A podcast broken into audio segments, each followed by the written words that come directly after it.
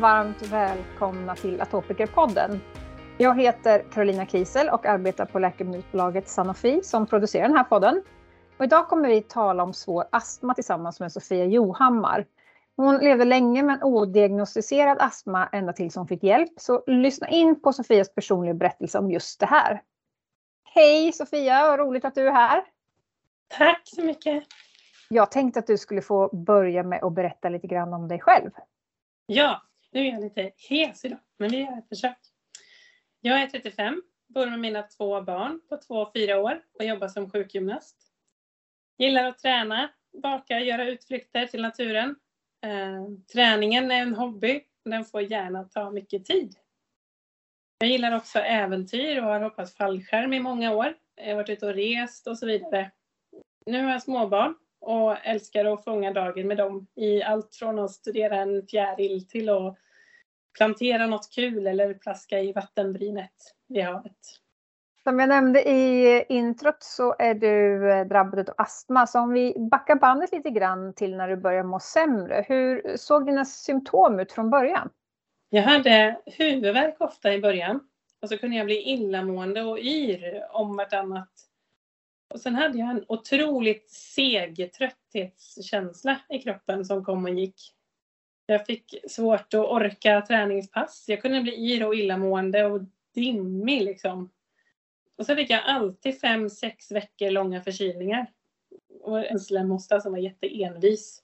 Jag fick nästäppa och så började det svida svagt i näsan. Och sen hade jag svårt att andas då och då. Eh, det var som att det snörpte åt i bröstkorgen. Eller som att det kändes kvavt. Jag tänkte ofta, åh vad kvavt det är i det här rummet. Och först var det subtilt och sen blev det mer och mer. Ibland så kom det här att jag hade svårt att andas tillsammans med att jag var yr och illamående. Och jag blev också stel i nacken och hade ofta ont i nacken.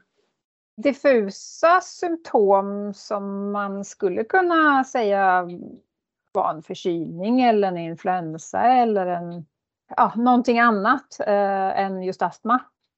Precis när jag var sjuk så jag, jag reflekterade över det, att det är konstigt att det alltid blir så långa förkylningar. Och symptomen kom ju ofta ett och ett, så jag kunde vara jättetrött en dag och illamående och yr.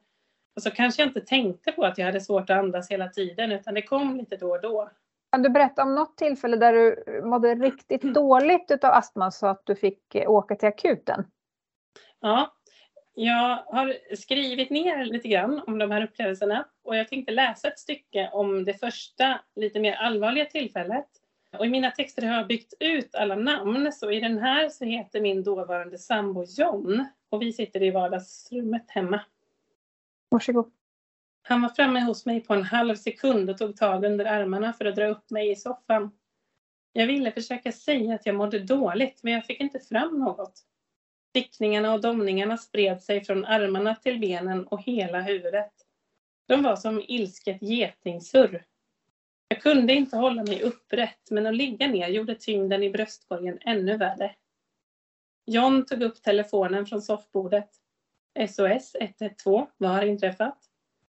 Min sambo har någon form av anfall. Hennes ansikte är helt förvridet och snett. Hon håller händerna konstigt och sluddrar något ibland. Jag hör inte vad hon säger. Jag tittade på mina armar och händer som var alldeles krokiga.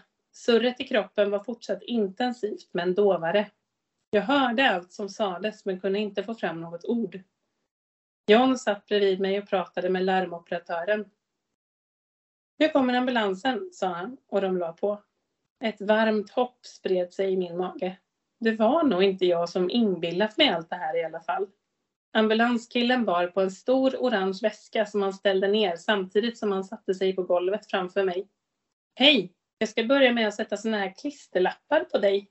Han tog fram EKG-elektroderna och pratade under tiden. Vad är det för dag idag? Fredag. Ja, vilket år är det? 2017.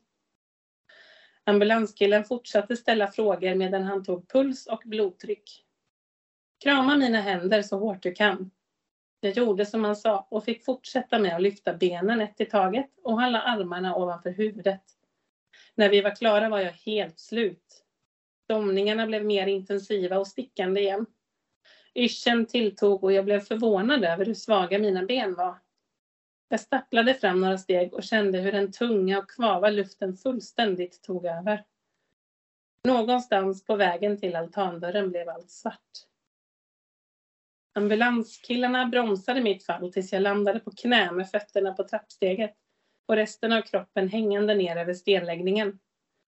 Jag öppnade ögonen och såg de grå betongstenarna. Domningarna i kroppen började göra ont. Armar och händer var krokiga igen och mina ben hade tappat all kraft och styrsel. Ambulanskillarna fick nästan bära mig längs stenläggningen. Jag använde all min koncentration för att ta ett steg i taget, men kände mig ändå mindre pricksäker än någon som druckit en rejäl ranson alkohol, trots att jag var helt nykter. Ljuset i ambulansen var skarpt och det luktade svagt av sjukhus. Stickningarna i knoppen tonades ut till ett pirrande. Jag hörde ambulanskillarna prata med en sköterska som tog emot oss i intaget. Den här tjejen är orange. Successivt hade surret i kroppen försvunnit och ersatts av en matt och omtöcknad känsla. Det var fortfarande tungt i bröstkorgen men jag orkade prata lite mer nu. Vi satt tysta en stund. En sköterska kom fram och ställde sig bredvid mig och rättade till några sladdar och tittade sedan på skärmen ovanför. Du andas för fort. Du får andas långsammare. Hon vände sig om och gick innan jag hann öppna munnen. Tack snälla Sofia.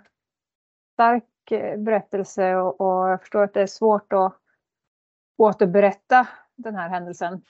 Så nu när vi har hört din berättelse här så hör jag ju att du fick ju ingen astmadiagnos vid det här tillfället. Även fast det var en allvarlig händelse, vad var det för diagnos du fick? Jag fick diagnosen stress och panikångest blev tillägget efter det här anfallet. Efter tredje besöket på akuten på tre veckor sa de till mig på akuten att jag inte skulle åka dit mer, för de tyckte inte att jag behövde akut hjälp. De tyckte jag skulle till vårdcentralen istället och vårdcentralen hänvisade till att jag var välutredd.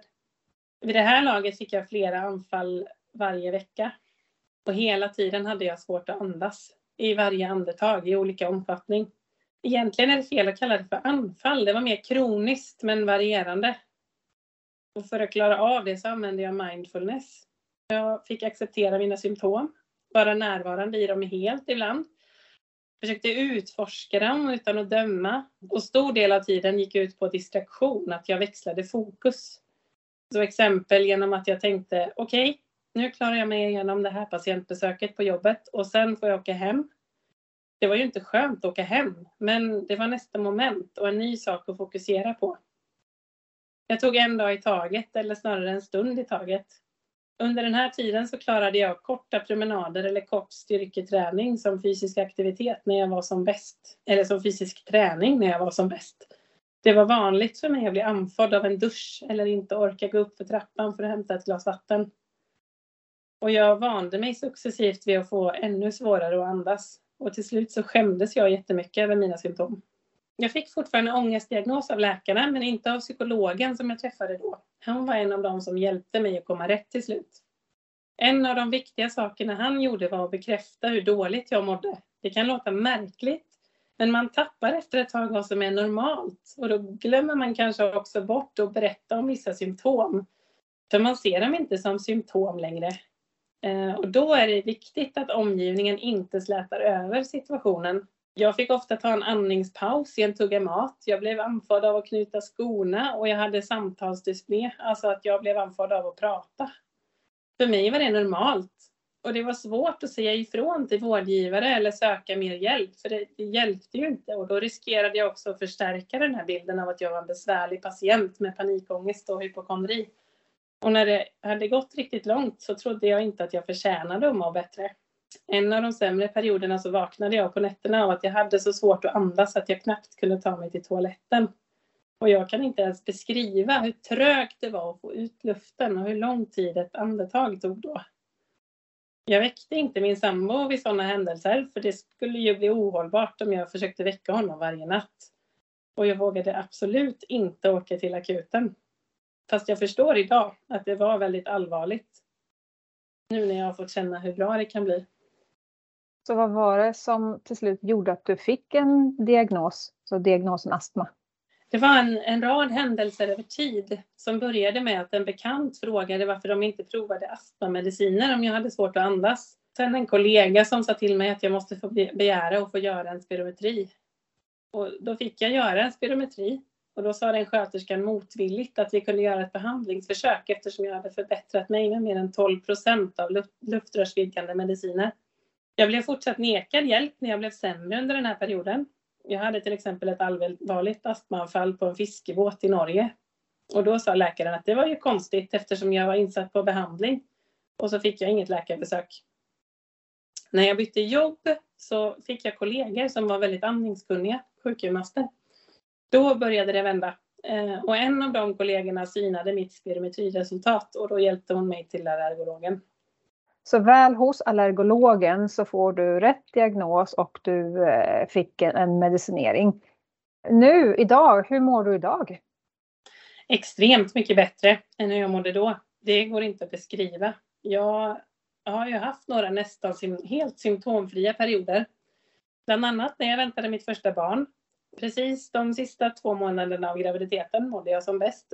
Då vaknade jag utvilad för första gången på länge på morgnarna och jag kunde skutta runt och dansa till låtar hur länge som helst, cykla med jättemycket energi. Samtidigt så har jag fortfarande svårt att andas, lite nästan hela tiden och mer i perioder. Men jag har gått från att träna med en kondition på ganska hög nivå till att inte kunna springa ett vanligt löppass utan att jag anpassar det. Samtidigt så pågick det här i så många år och jag trodde ju till slut att jag inte någonsin skulle kunna få må bra igen. Så att jag är väldigt tacksam för livet och jag uppskattar det på ett helt annat sätt nu. Jag har lärt känna mig själv väldigt bra. Då, genom det har jag också lärt mig att inte döma en människa eller en situation för tidigt. Jag har lärt mig att människor klarar väldigt stora påfrestningar. Om vi kan ge väldigt lite uppmärksamhet till katastroftankar och nyfiket upptäcka saker istället utan att värdera dem jag har lärt mig att fortsätta vara konstruktiv och tro på att det kan bli bättre även om det är jättejobbigt. Mm, du är tuff. Eh, du säger att du har medicinering och ibland så har du ju mer känningar av din astma. Eh, vad är det som, vet du någonting som triggar din astma? Några triggers du vet om? Ja, det är lite lurigt fortfarande eftersom symptomen smyger sig på för mig. Men rök, sprayer, eh, sånt som är kemiskt, så det är inte doft luften utan det är när det liksom blir en spray eller något kemiskt som i vissa rengöringsmedel. Kyla om det är jättekallt eller målarfärg är också exempel på saker som triggar. Så om du får ett astmaanfall eller en astmakänning, eh, hur ser din kontakt ut med vården idag? Nu kan jag ju ringa. De har ju uppmanat mig att ringa när jag är sämre. I början fick de säga det flera gånger.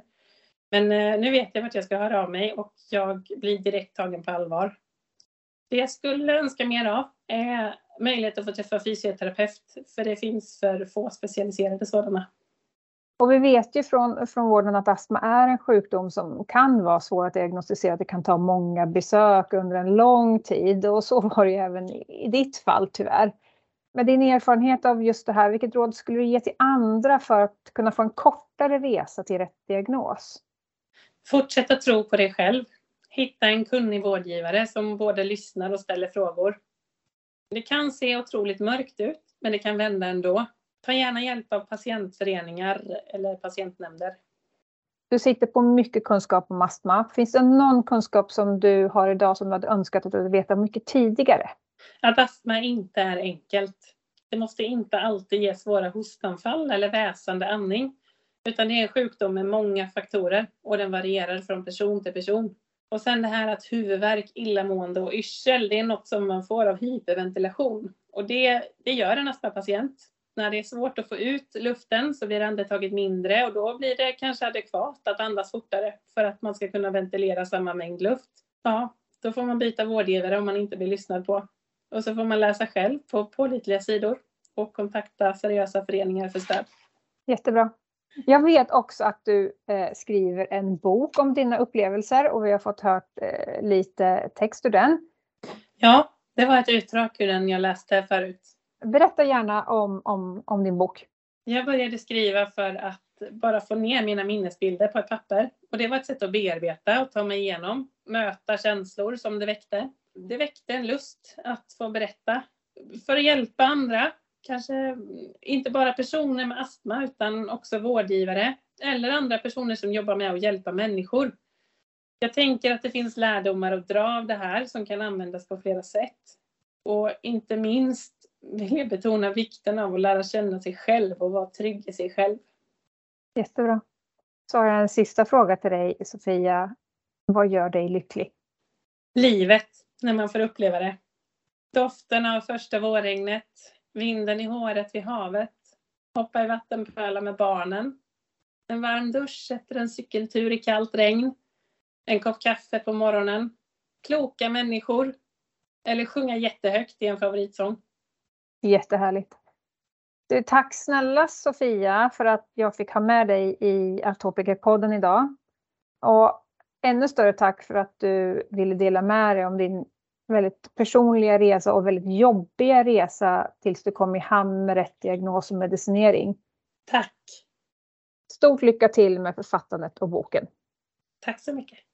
Nästa gång kommer ni få möta Susanne Lundin som jobbar som specialistsjuksköterska på hudmottagning på Saxka, barnsjukhuset. Då ska vi fördjupa oss i atopiskt eksem igen och ta del av Susannes kunskaper både från hennes möte med patienter och forskning om hur ungdomar och unga vuxna med eksem hanterar sin sjukdom och vilka olika erfarenheter de har med sig. Se till att du prenumererar på Atopikerpodden så att du inte missar när Susannes avsnitt kommer ut. Tack snälla för att ni lyssnade och på återhörande.